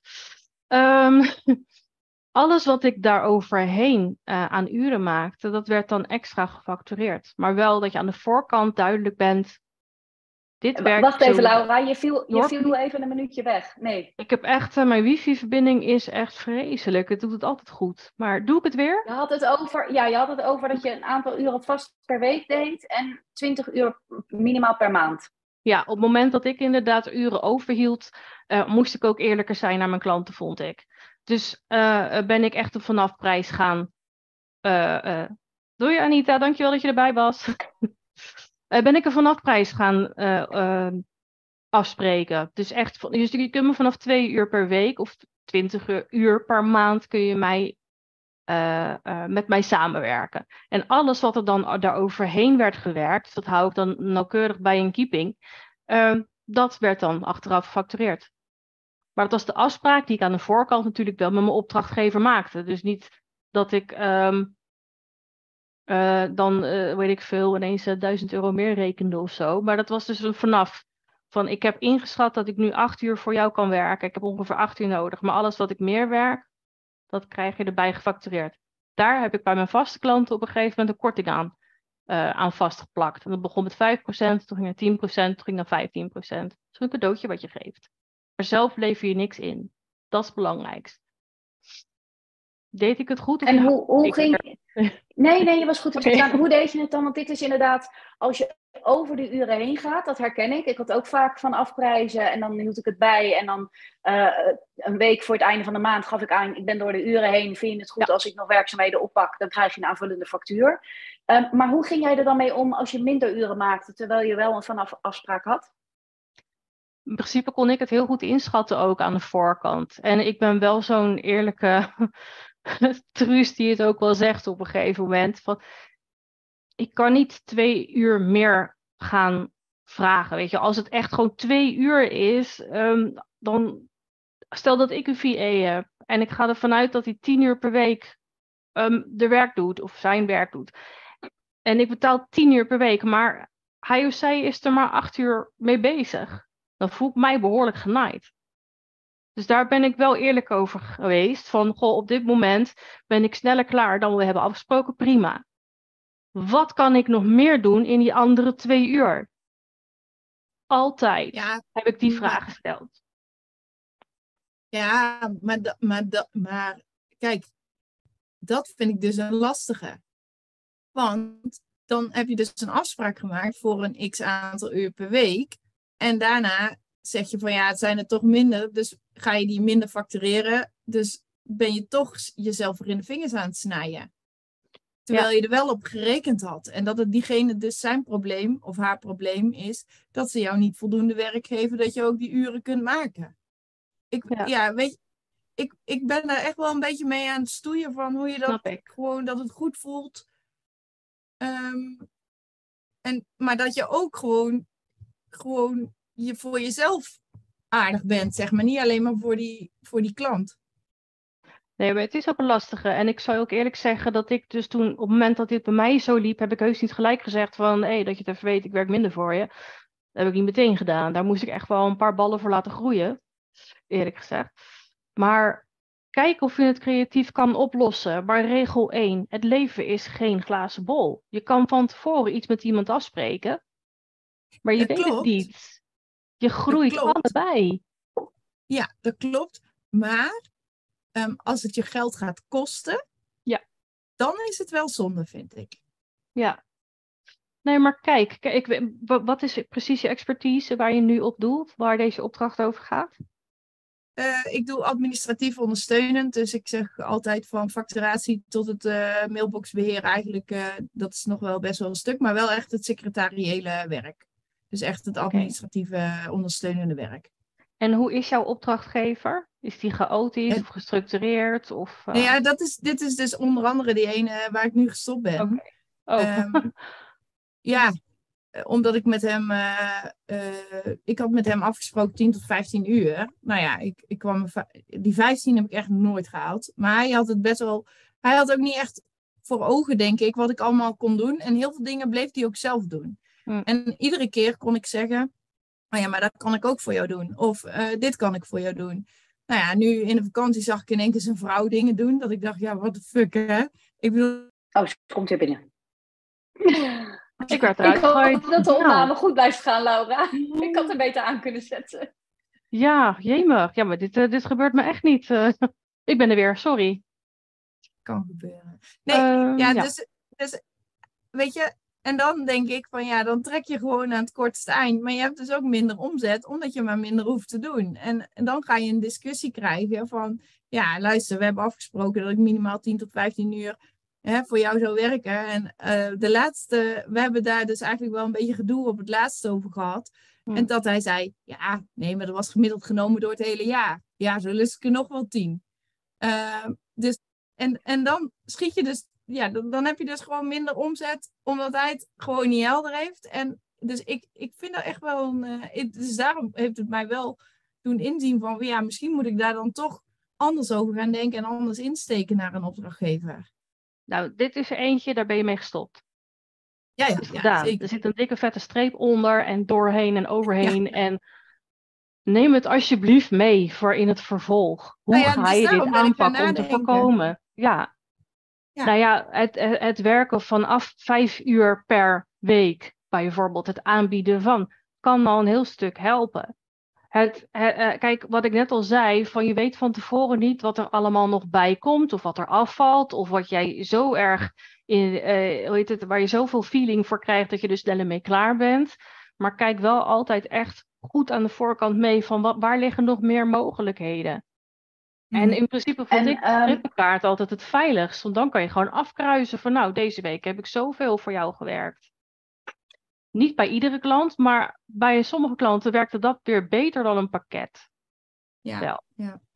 En, en waar je ook nog naar zou kunnen kijken, is dat je iedere drie maanden een evaluatiemoment inplant. Sowieso. Ja. Dat je, dat je kijkt van, oké, wat hebben we aan, aan uren nu de afgelopen drie maanden gedaan? Ja. Klopt dat met wat we initieel hadden ingeschat? Misschien moet je dat al na de eerste maand doen. Ehm, en dan kan je dan misschien de uren bijstellen. Want als je inderdaad uitgaat van 15, terwijl het iedere week maar 8 is, eh, dan kom je inderdaad iedere keer tekort, terwijl je wel tijd reserveert. En als je dan zegt, joh, ik heb gekeken, we hebben de afgelopen drie maanden iedere keer maar maximaal 8 uur eh, dat ik bezig ben geweest voor je. Dus zullen we hem nu maar op 8 uur vastzetten. Dan kan ik die andere 7 uur vrijgeven om andere klanten te bedienen. Ehm, dan is die misschien ook iets gemakkelijker te pakken. Ja, ja. Ja, daarom. Dus eh, ik, ik ga ermee. eh ik ga Je hebt er veel van eh, geleerd. Ja, Ja, ja, dat het is zo mooi hoor, om te leren. Ja. Ja. En ik heb er goed mee samengewerkt, maar ja, het einde was jammer. Dus. ehm hoort er Dat ook bij. gebeurt ook wel eens. Dat kom je altijd tegen. Ik denk ook dat je Ja. dat wel moet tegenkomen, want dan leer je er ook mee omgaan. Oh ja, zeker. zeker. Ja. Dat, eh, ja. Maar jeetje. Ja, maar het komt ook allemaal goed hoor. maar heb je dan nu nog wel opdrachtgevers? Of, of eh, nu even niet? Ik, eh, ja, ja, ja, ik heb nog. Jawel, eh, gewoon. Maar Ja. ik heb nog wel, ik heb wel wat ruimte nog. maar dat heb ik eigenlijk. Maar ik, ik ben afgelopen jaar met iemand gaan samenwerken om naar mijn geld te kijken, zeg maar. En dat heeft me heel veel rust gegeven. In die zin dat ik ook gewoon weet dat ik nu wel iets tijd heb. Dus ehm, het zou mooi zijn als ik weer een nieuwe klant vind. Ik heb een leuke opdracht in november sowieso staan. Eh, maar structureel zou ik eh, toch nog wel een dag in de week eh, zou ik fijn vinden als ik iemand zou vinden. Maar Ja. is dat pas in november, is het ook oké. Dus Oké. Ja. Klanten vinden. Ik vind het altijd Ja. wel leuk, hè, klanten vinden. maar ja, nou ja, je moet, je ze moet er wel jou op zoeken, zoek dat weet ik wel. Maar Ze moeten jou vinden. Jij gaat op Ja. zoek en ze moeten jou vinden. Dus het gaat echt twee kanten op. Ja. Ja.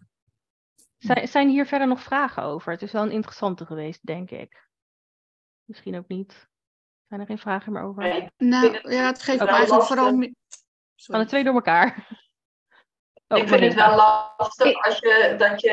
Hè, er zijn natuurlijk niet zo dat, dat je voor elke opdrachtgever of samenwerking maar kunt zeggen: zo, oké, ik doe dit pakket aan werk voor je. Eh, hè, want nou ja, kan de, dingen die ik ga, eh, ga aanbieden, ja, soms is dat gewoon, dat is gewoon niet altijd te doen. En is het wel prettig dat zij zeggen van, eh, of dat ze bijvoorbeeld zeggen van, oké, ik wil dat je hè, dit, dagdeel en dat dagdeel bereikbaar eh, bent voor dingen. Ehm, en nou ja, dus daar, regel je dan acht uur voor als je het over twee dagdelen hebt. Ehm, en, en er zijn ook opdrachtgevers die natuurlijk gewoon zeggen van ja, weet je wel, ik, ik, wil gewoon dat je voor vijf uur dingen ehm, voor mij doet. En ja, hè, we kijken wel wanneer die, eh, die uren op zijn. Wie gaat schieten?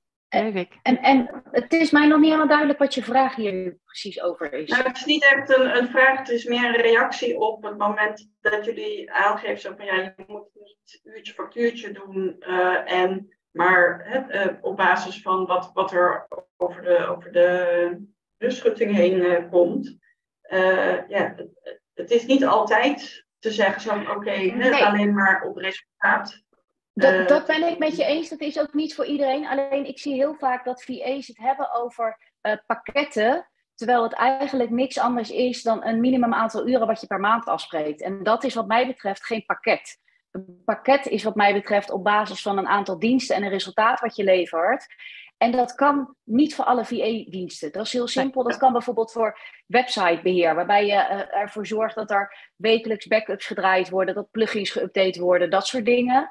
Um, of waarbij je zegt van nou minimaal vijf uur per week aan service uh, uh, of vijf uur per maand aan servicewerkzaamheden. Of een aantal nieuwsbrieven versturen. Maar als jij uh, klantcontact hebt op mailboxbeheer, is dat veel lastiger om dat in een pakket te gieten. Dus dat geldt zeker niet voor alle diensten. Um, en dan moet je gewoon een uurtje factuurtje blijven rekenen. Dat, dus doe wat voor jou op dit moment ook passend is. Ja. Nee, ja, maar dat ben ik ook zeker met je eens, Rachelle. En daarom vind ik het ook zo lastig van hoe ik het dan wil gieten. Maar ik wil voorkomen dat je eigenlijk denkt dat je vol zit en vervolgens die week heel weinig werk hebt. En ja. uh, dus ook die uren niet kunt factureren. En, en dat dat gewoon zonde is, want je houdt er wel rekening mee. En, maar en dan denk, denk, dat ik dat zo'n zo'n vanaf... Geval, Angela, ik denk dat je in, inderdaad in zo'n geval, weet je wel, mijn, mijn zoon die werkt bij de McDonald's. Nou ja, dat is gewoon, hij heeft een garantie voor een x aantal uur per week. Ja, als die minder wordt ingedeeld, dan heeft hij minder, dan krijgt hij hetzelfde bedrag voor dat aantal uren wat is afgesproken. En dat is nog niet eens een soort van, ja, weet je, hij houdt er rekening mee in die zin van hè, bepaalde verwachting. Maar ja, hij krijgt aan een week van tevoren zijn rooster door. Ja, hij kan die andere tijd zo inplannen als dat hij zelf wil. Ja, dat, dat snap ik. Maar toch, als jij eh, zes klanten hebt waarvoor je werkt. En waarvan je denkt dat jij 30 uur in de week ehm, vol zit. Dan is het wel vervelend als je in één keer maar 22 uur aan het werk bent. Omdat je bij je alle klanten. En dan mis je toch 8 uur in de week. Dus ehm, ik denk inderdaad dat het ik zeg dus van jij kan dus, jij zou dat moeten kunnen factureren. Ja, als je dat Ja, afspreekt. maar dat, en dat vindt niet iedereen van. fijn. Nee, dat snap ik. Maar daarom moet je inderdaad wel aan de voorkant afspraken maken. Zo van, wat volgens mij Rachel ook zei, van ja, weet je wel, dat eh, eh, jij bent verantwoordelijk, of, of de, de, de opdrachtgever is verantwoordelijk dat, hij, dat je voldoende werk eh, hebt. Klopt. Ja, weet je wat het Ja. is? Ehm, ook een beetje om dit onderwerp af te gaan ronden. Van neem altijd, neem de lead sowieso. Hè? Wees baas over je eigen bedrijf, over je eigen uren, over je eigen tarief. Kleed het creatief in, van, hè, dat je ook nog iets extra's kan bieden. Als jij een bepaald aantal uren hebt ingeschat, maar uiteindelijk doe je het eh, voor minder uren. Eh Rachel gaf het net al aan, van doe even een evaluatiemoment na drie maanden. Ik deed hem altijd na één maand. Want dan kon ik na één maand aangeven, ja, maar ik werk veel meer uren voor jou. Of ik werk veel minder uren voor jou. Ehm, weet je, dan, dan heb je gewoon al een tussendoormoment. Daarna nog eens na drie maanden, want het werk kan ook veranderen. Maar blijf wel altijd meekijken ook met wat jouw klant nodig heeft. Dat sowieso. En ehm, ik wilde er nog iets bij zeggen. Oh ja, weet je, het vervelende van dit vak, van VA, is dat je gewoon continu open moet staan voor klanten. Niet dat je eh, eh, nooit eh, jarenlang met dezelfde zal samenwerken, maar klanten zullen komen, klanten zullen gaan. Dus daar mag je ook echt gewoon bewegelijk in blijven. Ook als je helemaal vol zit met klanten. Stel je voor, je hebt jezelf 40 uur per week opgelegd en die 40 uur die moet echt met klanten opgevuld worden. Als je die 40 uur gevuld hebt, wil het niet zeggen dat het gevuld blijft. Dus blijf zichtbaar. Blijf jezelf presenteren. Blijf wel echt altijd bezig op een manier die voor jou werkt. Want dan komen ze op een gegeven moment vanzelf naar je toe. Uiteindelijk. Is dit voldoende voor, voor, voor dit, voor nu, nu dit stuk? Het is wel echt wel een interessante dit. Hadden we ook wel verwacht. Ja. Veel stof tot nadenken. ja. Ehm, ja, zullen, zullen we over naar richting eh, het einde van het jaar? Want we gaan ook richting Ja, het dat einde is, van ik zat tijd. even te spieken op mijn lijstje wat er stond. De laatste drie maanden van het jaar was nog een puntje waar we het over wilden hebben. Ja. Die zijn ingegaan. En, en wat, ik ben wel heel erg benieuwd wat er nog voor plannen bij jullie leven, wat jullie nog na willen streven dit jaar. Wat er nog eh, haalbaar denken jullie te zijn. Noem maar op. Zo, wie wil dat met ons delen? Mag ik als eerste een vraag stellen? Ja. Wie heeft paniek over het laatste kwartaal? Wie denkt, shit, ik ben bijna aan het einde van het jaar? Niemand. We hebben er En nog wat steeds bedoel je allemaal met paniek? Want, mis- want misschien is de vraag nog niet helemaal duidelijk. Een heleboel. Bedoel je, bedoel je dat je je omzet nog niet gehaald hebt of zo voor dit jaar? Of, eh, Bijvoorbeeld, zoiets? bijvoorbeeld. Je hebt natuurlijk verschillende pijlmomenten in het jaar. Een, een van de pijlmomenten is de zomer. Heel veel eh, ondernemers willen voor de zomer al een bepaald doel bereiken. Zodat ze dan de tweede helft van het jaar eh, nou ja, hun volgende doel of kunnen inzetten of hun doel kunnen doorzetten. 1 januari is natuurlijk de tweede pijldatum of de eerste pijldatum. Het is maar net hoe je het eh, vertelt. Dat is het nieuwe jaar, nieuwe doelen, nieuwe kansen, nieuwe klanten, noem het maar op. Een heleboel ondernemers hebben nu stress, omdat de laatste drie maanden van het jaar in zijn gegaan. Dus shit, ik haal mijn doel nu toch niet meer. Dus ik was wel even benieuwd van wie van jullie denkt ook zo. Of wie denkt, zoals ik, de laatste drie maanden zijn ingegaan, we maken er een groot feest van. Want ik ga Ik er gewoon nog overheen. Ik, ik wil er wel iets op zeggen. Want dit is mijn eerste volledige jaar, zeg maar, dat ik als ondernemer werk. Ik heb gedacht, ik ga kijken wat dit jaar me brengt. Ik heb nog niet echt doelen gesteld. Nee, ja, heel eerlijk. En ik draai echt super lekker dit jaar. Daar kan ik helemaal niks van zeggen. Dus heb ik angst? Nee, want ik had geen doel. Dus ik had geen resultaat waar ik naartoe aan het werken was. En altijd elke keer als ik dan eh, kijk in mijn boekhouding, denk ik, fuck man, heb ik dit jaar al eh, mooi gedaan. Dus ik denk dat je. En, maar ik, het is niet zo dat ik het voor volgend jaar niet wil doen. Hè? Laten we dat voorop stellen. Maar ik had wel zoiets van gewoon eerst maar eens ervaren. Wat gaat het me brengen? Wat ga ik hebben aan klanten? Wat ga ik aan werk doen? Want vorig jaar ben ik gestart. Nou ja, dat kwam wel wat traag op, op, op, op gang. Hè? Ik bedoel, voordat ik eh, eh, klanten had en dat ik eh, dacht van, nou ja, oké, nou heb ik lekker te werken heel de week en ik heb een leuke omzet aan. Maar dit jaar dacht ik, nou oké, nou ja, eerst maar zien wat er gebeurt. Wat heb ik aan kosten, wat heb ik aan eh, opbrengsten? Nou ja, ik zie wel. Dus ja, weet je, ik hoop dat ik eh, dit jaar, dat ik nu nog leuke klanten bij vind en dat ik gewoon een leuke omzet draai. En dan voor volgend jaar wil ik daar wel anders in staan. Maar ik denk wel dat het goed is om te weten dat ik, het is ook heel lastig als je nog maar net begint om dan doelen te stellen, denk ik. Is dat zo? En dat vraag ik even aan de rest. Blijft akelig stil. Nou, Ja. mijn doel is vooral eh, echt alles op poten krijgen en echt daadwerkelijk gaan starten. Ik ben al begonnen. Ik eh, ben al een beetje op LinkedIn, Facebook, Insta bezig met posten en zo. Eh, ik ben een probeershotje aan het doen met een eh, stichting waar ik wel alvast eh nieuwsbrieven voor aan het schrijven ben. Dus ja, de, echt, ehm, ik wil eigenlijk zoveel mogelijk in de picture komen en echt al start before I'm ready. Heel Dus eh, ik ben, eh, ben druk bezig, maar eh, eigenlijk wil ik wel gaan knallen nog deze drie maanden. Kijk, dat is de motivatie. Ik moet even gaan schieten, Annika. Oh, potverdorie. Zag je nou? Stop. Oh, waarom? In de chat, jullie kunnen het allemaal volgen. Nou ja, ik zie het wel als Nee. echt, mijn, echt mijn bedrijfje. Nee, ja, weet je, Ik moest dat- wel lachen. in het begin toen begreep ik dat ook niet. Als mensen dan tegen me zeiden van bedrijfje, ho, stop, nee, niet zeggen. Ik, Ja, bedrijfje, wat ben ik nou? Ik ben net begonnen, hallo. Ik, heb, ik heb net, ben net bij de KVK geweest. Wat ben ik nou? Maar dan mag je echt nog steeds wel een bedrijf noemen, want je bent je eigen Oh, baas, echt een bedrijf. je eigen fabriek, je eigen alles. Dus dan Ik- daar ik ga je zeg- in geloven. Je houdt jezelf klein, terwijl je groot mag denken. Maar dat is even Ik zeg altijd, je hebt straks ook geen klantjes, want je werkt niet met kabouters. Precies. Nee, maar dat is het begin van een instelling die je mag hebben, net als wat Nathalie net zegt, van hè, we hebben er zin in, we gaan ervoor en we gaan kijken wat we eruit kunnen halen die laatste drie maanden. Maar wat je niet gaat helpen is dat je jezelf wat klein, kleiner gaat houden. Dat, dat gaat je echt niet helpen. Ja, dat is een goede tip. Denk groot. Nathalie heeft gezegd, per 1 januari ga ik beginnen. Maar volgens mij ben je nu gedraaid.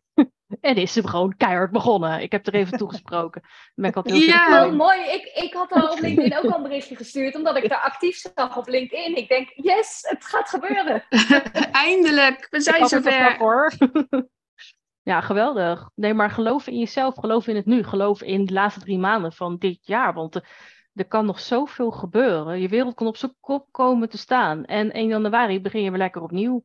Nou ja, niet opnieuw, maar hè. Maar net die vraag, ik vond hem wel goed. Van ja, doelen stellen. Als je start een ondernemer kun je toch geen doelen stellen? Mm, Monique, jij staat aan. Je wil wat zeggen. Ja. Eh, ja, ik had niet echt hele grote doelen inderdaad. Ik ben ook net begonnen als eh PA. Ik werk nog in loondienst. En eh, het grootste doel voor mij was eigenlijk dat ik na de zomervakantie één dag minder zou gaan werken om te kijken van dan heb ik meer tijd. Want ik werkte dus vijf dagen in de week. Dus dat was natuurlijk wel heel ambitieus om dat eh daarnaast te gaan doen. Ehm, dus ik ben per 1 oktober ben ik sowieso al één dag minder gaan werken. En eh, al is het alleen maar in mijn hoofd van goh, dan heb ik echt één dag die kan blokken in mijn hoofd. En hoef ik niet dat allemaal het weekend te doen. En dan ga ik echt aan mijn bedrijf werken. Eh, ja, de, de, grap is dat je daardoor ook een soort van switch in je mindset eh, krijgt, voel ik. Want dat, en nu zit ik al, ik heb al een eerste klantgesprek gehad. Ik moet nog heel even afwachten op het groene licht. En, eh, maar nu zit je toch al na te denken ook van, oh ja, nou ja, weet je, misschien moet ik toch maar alvast nog een dag eraf gaan halen. Want ja, ik wil eigenlijk gewoon veel meer tijd erin gaan stoppen. Dus ja, doelen, je kan het in geld uitdrukken, je kan het in eh, taken uitdrukken of de weg ergens naartoe, denk ik. Eh, Voor, voor mij, en, en correct me if I'm wrong, maar voor mij betekende doelen stellen dat ik gewoon echt gericht en gefocust ergens naartoe ging. Want in het begin ben ik gewoon op de Bonnefoy, hoppa, ik ben maar gaan doen. En dat ging hartstikke goed, maar uiteindelijk steed ik mezelf keihard in mijn vingers. Toen ging het wat minder goed. Ben ik weer helemaal opnieuw moeten beginnen. En eh, ben ik echt met doelen gaan werken. En ik heb het niet in geld uitgedrukt, want dat kon me niet schelen, bij wijze van spreken. Maar juist eh, ehm, het, het eh, hoe noem je dat? Het vervullen van de taken die ik echt op mijn lijstje had, die ik wilde uitvoeren voor mijn klanten. En dan had ik echt gewoon een x aantal klanten bedacht, een x aantal eh, taken die erbij hoorden. Daar moest het dan ook echt aan voldoen. En verdorie, hoe gerichter ik gewoon eh, eh, te werk ging, dus hoe meer gefocust ik echt richting mijn doel ging werken, hoe meer ik eruit haalde ook. Meer dan daarvoor, toen ik gewoon zo met hagel ging schieten en ik zie het wel waar ik beland. Dus het kan, het kan je wel helpen hoor, om het van begin af aan al scherp te hebben. Waar ga ik naartoe? Want dan heb je een punt. En vanaf dat punt kun je weer iets nieuws bedenken. Dat is ook zo leuk. Dan kun je zelf belonen, kun je vieren. Ja, weet niet. Hoe denk jij daarover? Ja, en, en voor, mij, voor mij was het. ehm, ik ben ook inderdaad van, van vier dagen naar drie dagen gegaan. Mijn eerste doel was ehm, het geld wat ik daar moeten inleveren uit mijn eigen bedrijf zien te verdienen. Ja. Ehm, en, en we hebben het nu over omzetdoelen. Ehm, die wordt voor mij nog spannend, het laatste kwartaal. Ik heb hem ambitieus gezet, dus het zal, het zal erom hangen. Het ziet, het ziet er nog goed uit, maar eh, ik ben al heel blij met waar ik nu sta. Dus ik mag, mag ook niet ontevreden zijn. Ehm, maar ik heb die prikkel juist nodig als uitdaging. En ehm, ik denk dat er ook een heleboel andere doelen kunnen zijn. Nou ja, weet je, ik zie Nathalie in één keer actief zijn op LinkedIn. Dat ik denk, nou, dat kan een doel zijn. Weet je, ik wil deze week iets op LinkedIn gaan zetten, al is het maar één post. Ik wil eh, drie nieuwe connecties maken deze week. Ik ga dit kwartaal voor het eerst naar een netwerkborrel en dan ga ik drie mensen aanspreken. Dat kunnen ook al allerlei doelen zijn, maar probeer voor jezelf wel dingen op eh, papier te zetten om jezelf te blijven uitdagen. eh, in plaats van alleen maar lekker achter je laptopje te blijven zitten en Ja. ehm, in Canva te knutselen, bij wijze van spreken. Want dat vinden we allemaal heerlijk om te doen. Ehm, maar het levert je uiteindelijk niks op. En niks is toffer dan dat je inderdaad een bepaald doel hebt nagestreefd en dat hebt behaald. Hoe trots kan je daarop zijn? En inderdaad, beloon jezelf er dan ook mee als je het gehaald hebt. Ik zeg ook altijd, ieder doel die je stelt is een activatie voor je bedrijf. Echt. Doe je dat niet, ja, dan, dan kom je er misschien wel, misschien ook niet. Maar wil je dat? Neem, neem gewoon echt de lead. En, eh, maar hou het leuk. Hou het leuk voor jezelf. En even terugkomend ook op Annika, hè, met, met, met je bedrijfje. Dat kun je echt niet maken, zeg. Nee, sorry. Nee. Dank je. Nee. Ondertussen kennen jullie me een klein beetje, hoop ik. Maar eh, je zegt ook, ik ben nog bezig met mijn opleiding. En ik ging er net helemaal niet op Ja. door. En, en je hebt op dit moment dan nog geen doelen eh, qua klanten. Eh, Nou, ik, ik, heb, ik heb wel wat klanten al eh, zeg maar in Nou. de pijplijn zitten. Dus ik heb al een stuk of drie, maar ik, ik hou het op dit moment eigenlijk nog een klein beetje af. Want ik wil me eigenlijk eerst goed verdiepen in het ondernemerschap en wat dat allemaal precies inhoudt. Maar ik, wil, ik merk wel inderdaad net wat je ook zelf nu zegt, van je moet echt wel een start gaan maken. Want het, je kan je winkeltje helemaal goed op orde hebben. eh, en pas zeggen van nee hoor, dan pas mogen de klanten komen als het allemaal helemaal netjes is. Maar het is nooit dat- perfect. En Nee, en dat gaat dus ook niet werken. Dus daar ben ik inmiddels ook achter. Dus ik wil gewoon een start gaan maken. Maar ik denk ja, volgende maand eh, dat ik, eh, of ik ga wel even contact met ze opnemen en dan gaan we dat inplannen. Dus Ja. eh, die doelen komen eraan. Ja, want ik, ik gok erop dat de meesten die hier zitten ehm, begonnen zijn als VA, waarschijnlijk vanuit een expertise uit loondienstervaring. Kan dat kloppen? Ja, hè? Dus de kennis heb je al in je. Alleen het ondernemerschap is een vak apart, maar dat kun je ja, leren. nu op allerlei manieren kun je dat natuurlijk leren. Start before you're ready. En, en begin, denk groot, maar begin klein. Hè? En hoe meer je het uitbouwt, ja, hoe gaver het wordt. En je wordt je vanzelf kennisrijker. Want ik, echt, ik was nog maar net met, ik ben bij VA School geweest, daar heb ik mijn opleiding gedaan. Ik heb er een jaar over gedaan om die opleiding te doen, maar ik verdiende al, ik weet niet hoeveel, die hele, dat hele jaar door. Ik kwam maar niet aan mijn opleiding toe, want al die klanten die kwamen. Ja, zo kan het ook lopen. Ondertussen wist ik nog niet wat een VA deed. Nee, dat wist ik dus wel, maar goed. Nee, dus, je hoeft jezelf er echt eigenlijk- niet. Dus, dus Huh? je, bent dat, eh, je bent ook gestart, zeg maar, eh, tijdens je opleiding. Dus je was die opleiding had je ook nog helemaal niet klaar. Ik had je hem eigenlijk achteraf niet eens nodig gehad. Maar ik wilde hem hebben. Nee. Kijk, ik kan ondersteuner zijn in loondienst en op allerlei verschillende stoelen. Hartstikke leuk. Maar ja, doe je het voor ondernemers, is het dus inderdaad net een slag apart. En, en, Mhm. en ik wilde per se die materie erachter echt wel leren kennen. Van, van, en ik heb ook echt wel nieuwe dingen geleerd hoor. Dat ik dacht van, oh ja, daar moet, moet ik toch wel rekening mee houden. Maar ehm, nou ja, eigenlijk vanuit de praktijk heb ik het meeste geleerd. Daar is mijn eigen opleiding uit ontstaan. Omdat ik toch dingen niet in mijn lessen heb geleerd toen op de VA School. En die heb ik verwerkt in mijn eigen opleiding. Van, eh, dat kom je ook nog tegen. Maar ehm, in de praktijk ga je echt het meeste leren, ontdekken en, en je groeit als een tierenlier als je niet uitkijkt. Ja. Belinda, je Ik staat zou op een eh, Volgens mij wil Belinda iets zeggen. Ja. Belinda, ga jij eerst maar. Nou ja, ik heb eigenlijk eh, sinds gisteren eigenlijk echt een beetje eh, de knoop eh, doorgehakt. Ik bleef elke keer een beetje hangen. En eh, ik heb eh, een gesprek gehad met, eh, met Rachel en vanmorgen ook nog een keertje. Of vanmiddag was het eigenlijk. Hè? Ja, En eh, ja, elke keer toch blijft er aan de ene kant wat hangen van, hè, moet je het wel doen? Eh, eh, wat zijn de gevolgen? Eh, noem maar op. Nou ja, eigenlijk bewustzijn van het feit dat ik het op de werkvloer waar ik nu werk gewoon niet, niet prettig vind. Laten we het even daarop houden.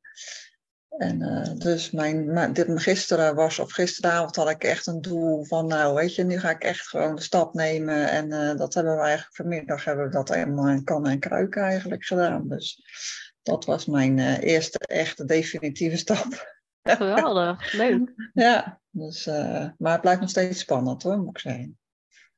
Blijft het altijd. Het blijft altijd Ja. spannend. Maar als je dat laat tegenhouden, dan mis je onderweg zoveel, joh. Nou ja, dat is ook zo, weet je. Maar je, je- misschien ook omdat je ouder wordt, dat je dan misschien anders gaat denken. Ik weet het niet. En, en ja, weet je, ik heb zoiets, ik moet nou gewoon voor mezelf kiezen. En op deze manier eh, doe ik dat denk ik ook. Voor jezelf kiezen. Dat is echt een Ja. belangrijk. En dat hoor je Ja. inderdaad heel vaak onder de virtuele ondersteuners. Voor jezelf kiezen.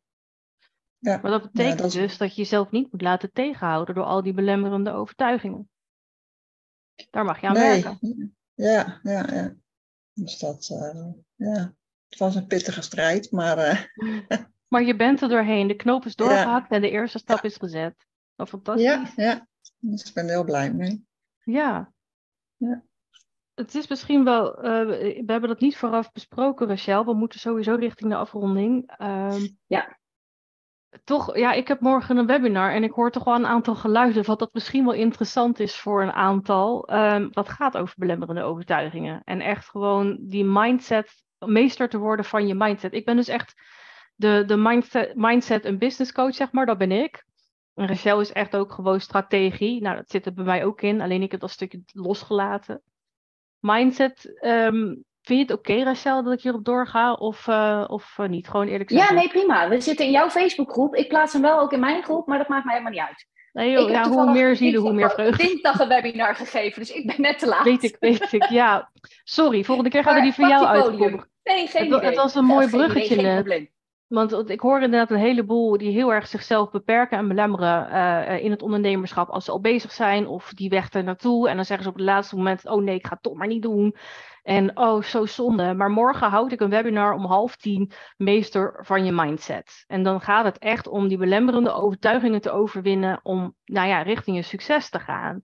En waarom kan ik daar dan zo goed over vertellen? Ehm, om voor de beeldvorming, vorig jaar zat ik in een rolstoel. Kon ik helemaal niks. Ik kon niet eens mijn hoofd recht houden, ik kon niet eens praten, ik kon helemaal niks. Ik ben al chronisch ziek, ik mankeer al van alles, maar ziekte van Lyme kwam er ook nog even bovenop. En dat eh, heeft dat met mij gedaan. Ehm, mijn bedrijf heb ik nooit losgelaten. Ik heb altijd een manier gevonden om mijn bedrijf door te laten gaan. Dan maar dingen inspreken, dan maar dit, dan maar dat.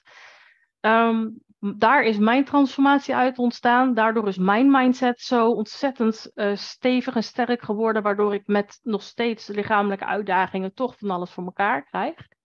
Ehm, daar heb ik een aantal theorieën van geleerd eh, en die wil ik heel graag delen eh, in het webinar morgen. Dus als je met je mindset aan de slag wil, als je die belemmerende overtuigingen nu echt gewoon kwijt wil, kom dan morgen alsjeblieft. Het kost niks. Ik ga ook niks aansmeren, helemaal niks. Ik ga alleen maar vertellen omdat ik dat zo leuk vind. Dus als je er interesse in hebt, kom vooral. Vond ik een leuke aansluiter. Maar goed, was niet mijn bedoeling, sorry. Nee, het maakt helemaal niet uit. Ik zal de link hier Ja, in de chat zetten. ja, ik- dat wou ik net zeggen inderdaad. Gooi hem even in de openbare chat. Nee, en eh, luister en als je het eh, niet oké vindt, dan kan je er zo weer uit. Ik bedoel, eh, laat het wel even weten dan wat ik volgende keer anders moet doen. Dat vind ik dan wel een hele leuke. En die, dat wilde ik ook nog meegeven met opdrachtgevers. Stel je voor, er stopt een opdracht. Net als met Angela wat ze net heeft gezegd. Van, ja, ik heb het even over jou, sorry. Ehm, als er een opdracht stopt, hoe vervelend het ook is gegaan of hoe goed het ook is gegaan, probeer toch altijd een ingang te vinden om te vragen: wat kan ik meenemen voor een volgende keer? Je weet maar nooit wat voor leuks daar nog uit gaat komen. En vooral voor je zelfontwikkeling en ook denk ik zelfvrede, noem ik het nu zelf, uh, kan dat best wel een belangrijke zijn. Vragen kan nooit kwaad, doet geen pijn, denk ik. Dus. Mooie aanvulling. En ja, inderdaad, ik zeg ook altijd, de, de beste VA's zijn de VA's die eigenlijk de VA-school niet afmaken. Uh, omdat ze al vol zitten met klanten. Ja. En ik zelf heb niet eens een VA-opleiding gedaan. En ik zat toch uh, eh, 4,5 jaar knijten voor met klanten. Dus het is vaak ook het stukje um, onzekerheid, niet weten waar we moeten beginnen, et cetera. Terwijl begin gewoon. Ga doen, kom in actie. En de praktijk is altijd anders dan dat je in theorie denkt dat het gaat. Zeker. Het gaat nooit zoals je het ik verwacht. Ik heb hem ook nog steeds niet af. Heb je hem ook nog niet af? Ik dacht dat je hem inmiddels af had. Nee. Oh. Ik moet nog steeds mijn pitch en mijn uh, boekomslag. Oh, ook bij de VA School. Oh, grappig. Ja. Maar weet je, eh, dat, dat zei op een gegeven moment iemand tegen mij. Hoeveel opdrachtgevers heb jij je papiertje moeten laten zien? Oh, nou, niemand. Helemaal niemand. Als je, het is maar, geen beschermde titel. Nee, nee. Maar het ge- mij gaf het inderdaad die extra zekerheid. Dat mocht ik eens een keer op mijn gat gaan. Dat Ja. ik zeker wist. Ja, maar ik heb er wel voor geleerd. Weet je wel, ik heb mijn best gedaan. Maar zonder dat papiertje had ik het net zo kunnen vertellen. Van ik heb mijn best gedaan. Ja. Weet je, en, en nog met die opleiding. Maak je nog fouten? Ja, dat kan. Leer Er ervan. is geen goed of fout. Je moet doen wat, wat bij jou goed voelt en wat bij jou past. En, en daarna ga je allemaal je eigen reis eh, ervaren. Ja. Ja. Ik eh, zie dat het inmiddels vijf uur is geweest. Ik moet wel echt gaan afhaken. Ja. Ik zie gaan volgens mij eh, heel veel mensen die ook denken, ik vind het een lange zit geweest. Ik denk dat het wel heel erg leuk was. Tenminste, ik vond het heel erg leuk. Ik vond het ook leuk. dankjewel. Nee, wat ik leuk zou vinden is dat jullie eh, of bij Rachel of bij mij op LinkedIn of waar je ook ons van kent, dat je eventjes eh, ehm, een berichtje achterlaat hoe je het gevonden hebt. Want volgens mij gaan we dit vaker doen. Ja, wij zijn eh, Dus- nog, aan het brainstormen en wij, wij gaan iets samen doen. We weten nog niet wat, maar eh, we vinden het te leuk en er komt te veel magie elke keer los als we samen dingen doen. Dus we gaan daarover brainstormen. Maar we vinden het altijd leuk om vanuit jullie input te krijgen, wat jullie ervan Ja. vonden. Want dan kunnen we dat eventueel weer gebruiken voor volgende keren. Dus eh, Volgens mij wij ik dit in ieder geval erg leuk. Ja, bedankt. ja, ik wil jullie in ieder geval onwijs bedanken voor jullie aanwezigheid, jullie input met vragen en, eh, eh, en dingen die jullie delen over waar je nu staat. En ehm, ja, wat mij betreft voor herhaling vatbaar. Dank jullie Duim wel omhoog voor, voor iedereen die dat ook vindt. Duim omhoog, duim omhoog. Niemand? Nee? nee, nee, nee. En niemand durft wat te doen. Nee, super. Dank jullie wel. Heel graag gedaan. Nou, dames, bedankt voor jullie aanwezigheid. Superleuk. Bedankt. Fijne avond. Doei. Doei doeg.